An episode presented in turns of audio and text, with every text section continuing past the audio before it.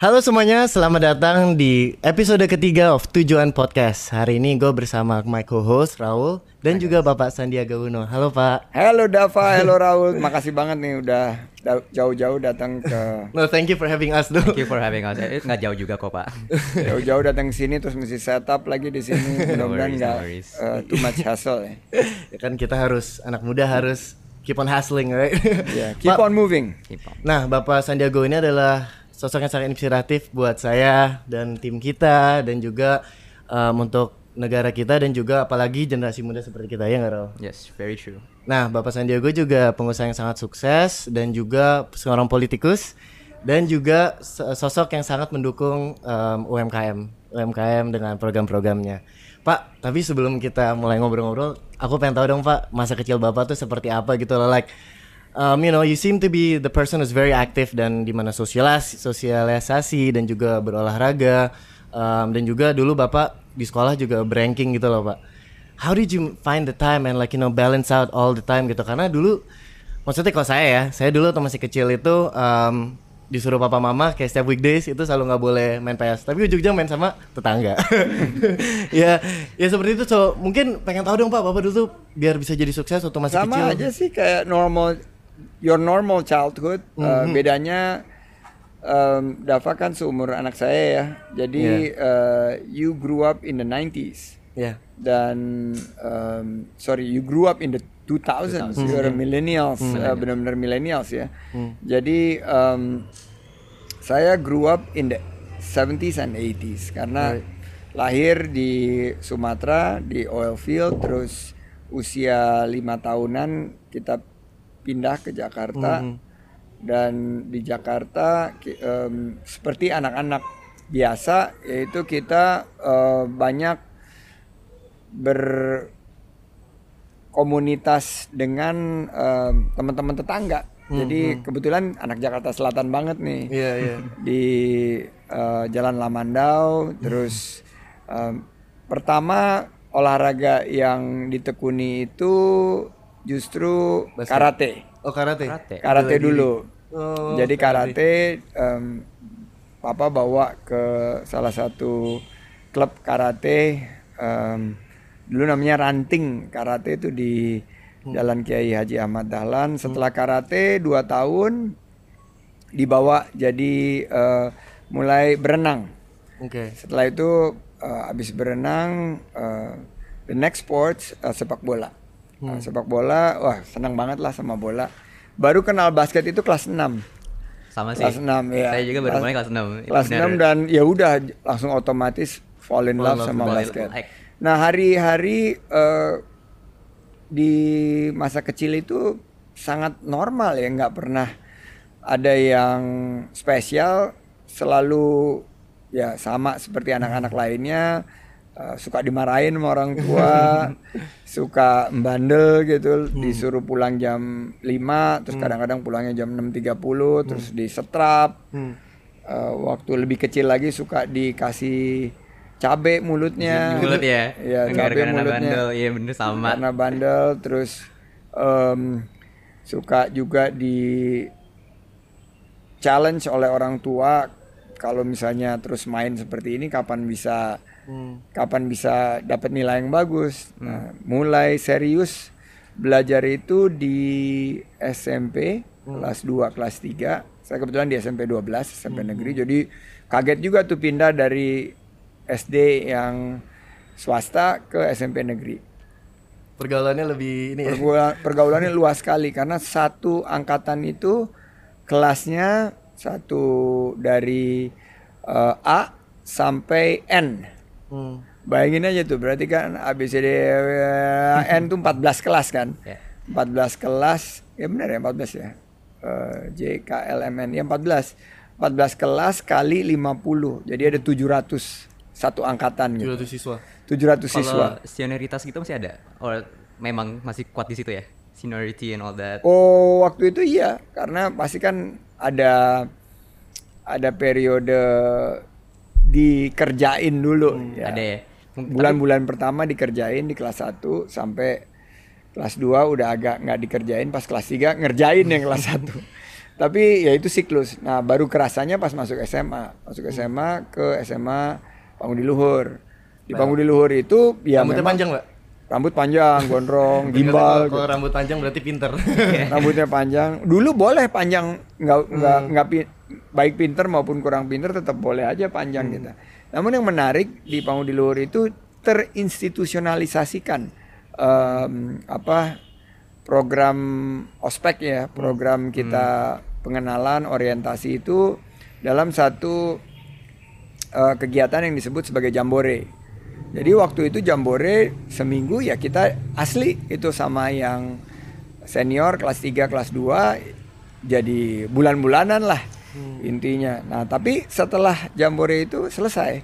Nah, i- saya adalah tahun terakhir yang mengalami jambore itu. Tahun selanjutnya dilarang oleh Kementerian Ah, Pendidikan dan Kebudayaan, dilarang oleh Dinas Pendidikan karena itu kan equal to bullying. Iya, iya, iya. Tapi ternyata pengalaman saya mengalami em, masa kecil yang cukup keras Iya. oleh senior-senior itu justru malah mengasah kita supaya eh, tegar, eh, supaya kuat, eh, tidak tidak mudah patah semangat, tidak cengeng. Terus kita inovatif karena mencari jalan gimana mengambil hati senior. Ya, kita juga eh, saya waktu itu ngambil karena kebetulan saya main basket. Hmm. Saya banyak terlindungi karena dikenal sebagai udah jago main basket dari kelas Eh, 1. jagoan starter ya? Jadi starter Oh, dari umur mantap. Tapi, starter. tapi saya dengar Pak dari Om Yuki katanya Om Yuki lebih jago daripada Pak Sandi nih, bukan? Om Yuki jago. Om Yuki itu sahabatnya Pak Sandi. karena beda sekolah. Oh, beda. Oh, beda. Beda sekolah ya dia jago, lebih jago. lebih jago tapi karena saya di Pangudi Luhur ya kelas satunya yang saya paling jago. Karena Mantep. pada saat itu terus dipercayai beberapa kali jadi em, apa masih bench karena yang kelas 3 kelas 2 kan yang main. Iya. Di baru mulai jadi starter itu di ujung-ujung kelas 1 terus em, setelah itu ya karena banyak bergaul sama teman-teman basket di Panggung di Luhur em, lebih mudah, lebih cair gitu. Jadi masa kecil saya sampai ke kuliah itu very normal em, karena memang dituntut belajar dan dididiknya keras sekali oleh orang tua saya. Em, saya jadi akhirnya terbentuk eh, karakter yang disiplin, karakter yang ingin dapat eh, prestasi yang baik dalam bersekolah dan itu kebawa sampai sekarang. But would you say would you say that Bapak dulu nerd gitu loh, Pak? Kutu buku nggak? I would say that bisa diklasifikasikan sebagai kutu buku, Kutu sebagai buku ya? nerd. Suka Karena baca buku suka dari gitu? baca min 10 waktu itu. Min 10. Min 10 ini nih eh, udah dilasik. Tetap masih pakai kacamata. Oh. Ya ini Saya juga kacamata kontak tadinya lucu-lucuan tapi sekarang kalau buat baca gitu loh. Tapi eh, saya saya kalau di Amerika tuh legally blind.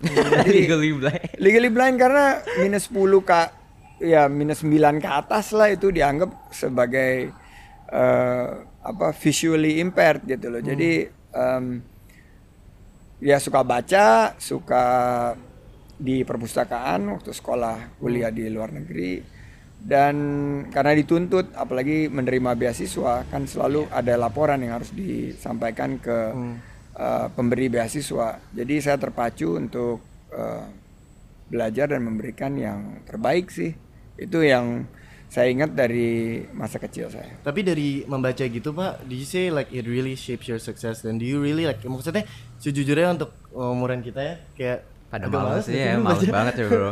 Kemarin ini kayak nonton YouTube atau apa gitu dan pasti kan ada perbedaan dari kita nonton video dan kita baca kan. And I, I heard like dari membaca itu it shapes our imagination, it shapes our way of thinking. Iya, karena baca itu you have your muscle memory. Karena ngeliat terus kita megang kan bukunya dipegang. Tapi sekarang sih banyak dari em, anak-anak muda kan yang pakai Kindle, yang pakai Iya. e-book, Audiobook eh, juga ada sekarang. audiobook. Iya. Em, saya juga suka kalau lagi berkegiatan eh, dengarnya pakai audiobook. Dan sekarang podcast banyak banget yang bagus-bagus. Iya. Hopefully Jadi good eh, too, ya. saya dapat informasi banyak dari podcast juga. Jadi buat saya tuh buk eh, membaca itu is general word untuk em, memperluas wawasan kita. Jadi informasi kan. Jadi informasi itu bisa datangnya dari YouTube, bisa datangnya dari buku, bisa datangnya dari podcast, bisa datangnya dari browsing dan lain sebagainya. Tapi make sure what you read itu adalah sesuatu yang menginspirasi, memotivasi, terverifikasi dan tervalidasi. Jadi you get the best of the best of information. Berarti dulu Bapak uh, do you read more of like um, fiction atau atau kayak autobiografi gitu Non kayak- fiction. Non-fiction. I saya suka juga baca novel tapi mungkin satu dari 10 buku yang fiction ya. Yang non fiction itu yang banyak mendominasi. Biasanya yang fiction itu aku dapatnya dari film. Jadi em, buku yang dijadiin film gitu loh. Karena em, ada sih beberapa buku-buku yang majestic yang keren banget seribu lembar gitu loh. Em, Judulnya The Suitable Boy. Itu The Suitable buku em, Vikram Seth yang nulis tentang em, satu bagian sejarah di India gitu. Itu fiction. Tapi di dalam buku fiction itu kita belajar tentang sejarah India. Hmm. Nah, jadi kayak gitu-gitu selalu eh, lebih menjadi pilihan saya gitu kalau membaca terus kalau nonton film gitu ada yang dokumenter atau yang documentary atau yang fiction aku biasanya pilih yang documentary atau yang fiction berbasis eh, cerita yang real, Real, gitu loh. yeah. Real story, based on real story gitu. It's unreal. Dan ngomong tentang pilihan tuh, Bapak kan dulu um, dari kecil tadi you like to do sports, dari karate ke main bola, habis itu main basket, and you know sampai sekarang pun you you're still very active gitu loh, and dan setiap pagi maksudnya um, setiap hari Rabu, Kamis, kecuali Senin, eh sorry Senin Kamis ya karena Bapak puasa, you always run for like a couple of kilometers atau bersepeda atau enggak um, swimming, and so sports has been a big part of your life gitu loh. Dan apakah itu sesuatu yang Bapak ingin juga um, kasihlah terhadap kaum kami juga? Untuk kayak guys apa namanya soalnya beberapa teman aku tuh juga ada yang banget karena kerjanya terlalu ke pressure itu jadi malas berolahraga gitu loh pak. And what do you gain from you know doing sports? And is that something that you try to encourage us to really you know di dalam satu kesibukan kita please find the time to do sport because it's good for us and it it helps our I don't know like discipline and like motivation and uh, Sports itu ada filosofinya ya bahwa itu bukan hanya kewajiban kita untuk hidup sehat, tapi sports itu justru kebutuhan kita. Bahwa di balik tubuh yang sehat ini kan klise banget, ada jiwa yang kuat kan, mensana and corpore sano gitu. Tapi ternyata research udah membuktikan bahwa sports itu em, adalah kunci untuk kita hidup sehat, kunci untuk kita umur panjang, kunci untuk kita berdaya juang, kunci untuk kita selalu berpikir positif karena ada zat endorfin itu ya. Kalau kita olahraga kan tubuh kita secara natural, secara alami eh, memproduksi zat endorfin yang setelah di research itu adalah enzim yang membuat kita berpikir positif dan selalu optimis, eh, penuh motivasi dan lain sebagainya.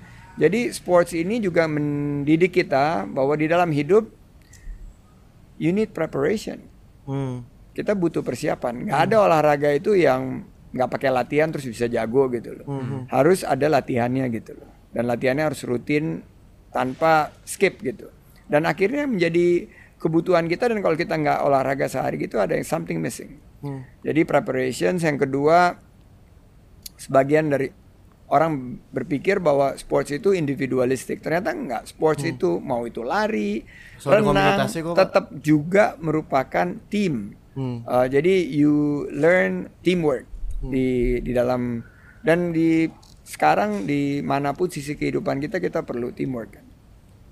Ketiga di in any kind of sports itu ada speed, ada elemen speed. Hmm. Jadi kita harus bergerak cepat di dalam hidup kita juga harus bergerak cepat, harus mampu untuk menangkap peluang, Hmm. mencetak pemenang dan terakhir em, sports itu adalah endurance, napas panjang. Yeah. Nggak bisa kita sprint sprint aja terus jadi Hmm. jago gitu loh atau juara. Basket aja kan 4 quarter. Kalau kita Iya. jagonya cuma dua quarter terus dua quarter terakhir Percuma. percuma juga. Iya. Jadi itulah filosofi yang saya dapat Hmm. dari olahraga dan anak-anak muda mesti menurut saya all in all kita harus dorong sehingga bukan hanya prestasi olahraga Indonesia meningkat, Hmm. tapi kesehatan bangsa ini dan kemandirian Hmm. negeri ini tuh bisa kita raih, kita bisa capai. So maybe let's uh, kita bisa move on ya.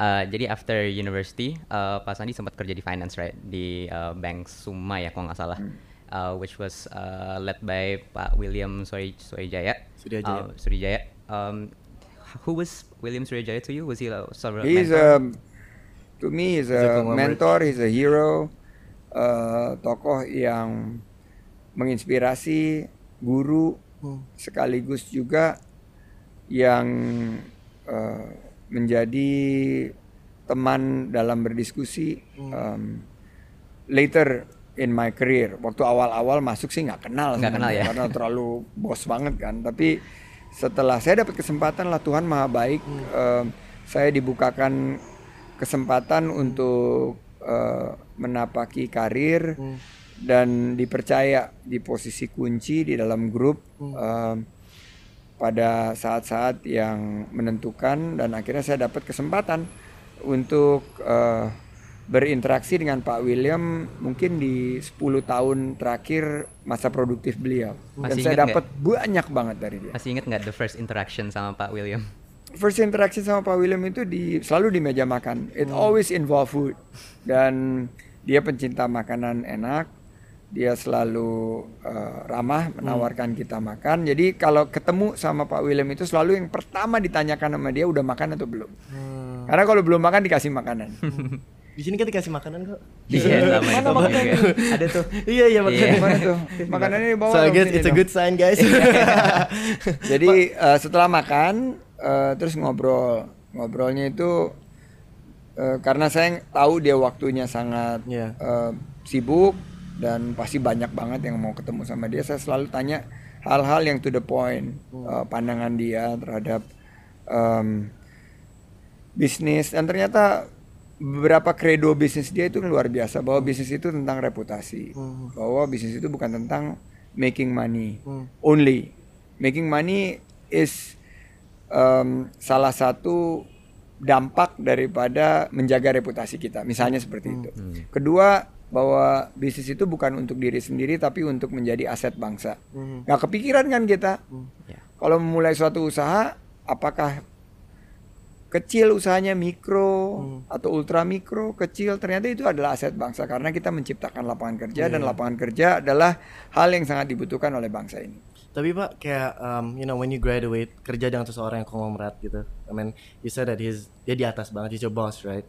Dan jujur yang saya rasakan sekarang nih, saya baru lulus dan saya sedang magang kan. What we learn from university dan yang apa yang kita kerja itu sedikit berbeda gitu. Karena kan teori Kalau saya sih jauh berbeda. Nah. Apa yang saya pelajari nggak ada yang diaplikasikan satu Hmm. sedikit pun juga. Tapi di kuliah itu kan kita bukan belajar hanya ilmu kan, tapi kita belajar tentang system think, right? thinking. Yeah. Kita belajar tentang critical thinking.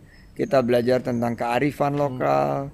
Kita belajar skill untuk komunikasi, negosiasi, skill untuk promosi, dan skill-skill dasar yang dibutuhkan di dalam kita menjalankan tuh. Terus terang waktu itu apalagi masuknya ke perbankan ya.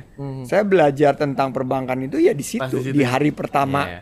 kerja gitu, waktu masih di training gitu. But how did you like stand out dari yang lain gitu Pak? Maksudnya seseorang William Suryajaya itu notice Bapak gitu loh. Karena itu saya kan juga baru yang kayak lulus nih, saya pengen banget dong pasti di di notice sama bos saya nih kayak oh this guy is working hard. Tapi kan masalahnya itu saya yang kayak I don't know what I don't know uh, I don't know what does he look for dan kayak apa ilmu yang saya apa ya karena kan again kayak baru lulus kuliah jadi saya nggak nggak tahu nih kayak pekerjaan itu seperti apa how did you? Em, nggak notice sampai long Hmm, after mungkin 8 tahun baru saya di notice gitu Iya, iya. oleh So, beliau. How long did you stay in that perusahaan for? I started working di grup itu kan tahun 90. Yeah. 90 terus saya sempat dikirim keluar. Hmm. Waktu itu I start getting noticed by him Hmm. karena di masa-masa saya kuliah pernah ada sedikit eh, gangguan dari segi eh, keuangan. Iya, iya. Terus akhirnya saya masih ingat banget dia yang walaupun dia nggak kenal saya, Hmm. dia yang step in untuk menyelesaikan permasalahan keuangan Hmm. tersebut. Dan setelah saya balik, eh, saya ya terkubur lah di antara ribuan orang yang kerja buat dia Hmm. kan. Tapi karena saya dapat kesempatan untuk jadi, nah inilah eh, serendipity ya, kebetulan-kebetulan yang you will find that in your life. Kebetulan-kebetulan yang sebetulnya bukan kebetulan gitu, loh, tapi ya dari atas gitu. loh. Iya, iya. Saya dapat tawaran jadi suruh pilih gitu loh untuk meniti karir manager dari manager jadi vice president tapi pas saya belum masuk ke manager baru masih awal junior banget ditawarin a different track gitu jadi asisten pribadi gitu sebetulnya nggak glorious kan Yeah. beli kopi nyiapin baju gitu tapi I have access to the top Yeah. nah akhirnya saya jadi asisten pribadi dari salah satu eh, CEO di di grup Astra. yang notabene be- Hmm. anaknya beliau gitu loh. Nah dari situ setiap kali anaknya bertemu sama bapaknya orang tuanya ya saya Ada, terpaksa selalu ikut ada. kan Iya. angkat tas, bawain tas. Iya, iya, iya. Nah, di situlah dia suka ngasih uang. Hmm. Itu Pak William tuh eh, terkenal selalu punya segepok duit di kantongnya itu siapa pun yang datang tuh dikasih duit sama dia. Mau satpam, supir, termasuk staff pribadi yang waktu itu saya notabene masih usianya 24 tahun gitu loh. 23 24 tahun suka dikasih gitu. Lama-lama dia notice. Baru tahun ke-7 tahun ke-8 baru diajak ngomong gitu loh. Tapi dia udah lihat jadi itulah serendipity serendipity yang saya hadapi akhirnya begitu dirangkai itu menjadi your career path. Right. Jadi, But oh, talking about career path, Pak, kayak you know, um, I wanna talk about failures gitu loh. Karena orang yang sukses tuh kebanyakan itu bukan nggak pernah, cuma kebanyakan of course glory their success gitu. Oh, gue pernah sukses di sini, di- Jadi kelihatan of course bagus di depan mata orang. Dan saya tuh lihat Bapak di you know in, in some podcast and in, in in the news as well, you you were one of the person who embrace your failure. Dulu katanya Bapak sempat minjem duit teman untuk makan siang sampai apa namanya uh, ada titik poin terendah buat Bapak gitu loh. How did how did how did you feel during that that um that And phase? we also read that uh, Pak Sandi sempat di reject ya sama 25 company. yeah. Iya. Jadi why I brought it up? Kenapa saya ingin share uh, failures? Karena failures itu akan mampu untuk men-shape kita uh, menjadi manusia yang lebih tangguh. Karena kalau kita cerita suksesnya uh, banyak teman-teman anak-anak muda uh, ingin sukses secara instan. Dia lihat wah ini anak muda waktu itu usia 40 tembus Forbes Yeah. dan lain sebagainya. Tapi saya selalu ceritakan gitu bahwa I got here through very difficult path gitu loh. Jadi saya pernah di PHK, Yeah. saya pernah hampir bangkrut, saya pernah ditolak sama 20-25 perusahaan. And I feel good now to see those 25 companies What- yang what would you say sebagian to udah them harus now? tutup. Yeah. What would you say to them? What, what would you I wouldn't them? say anything. Karena aku orangnya kan harus humble. tapi saya saya nggak dendam, tapi saya catat gitu loh. Orang-orang yang pernah reject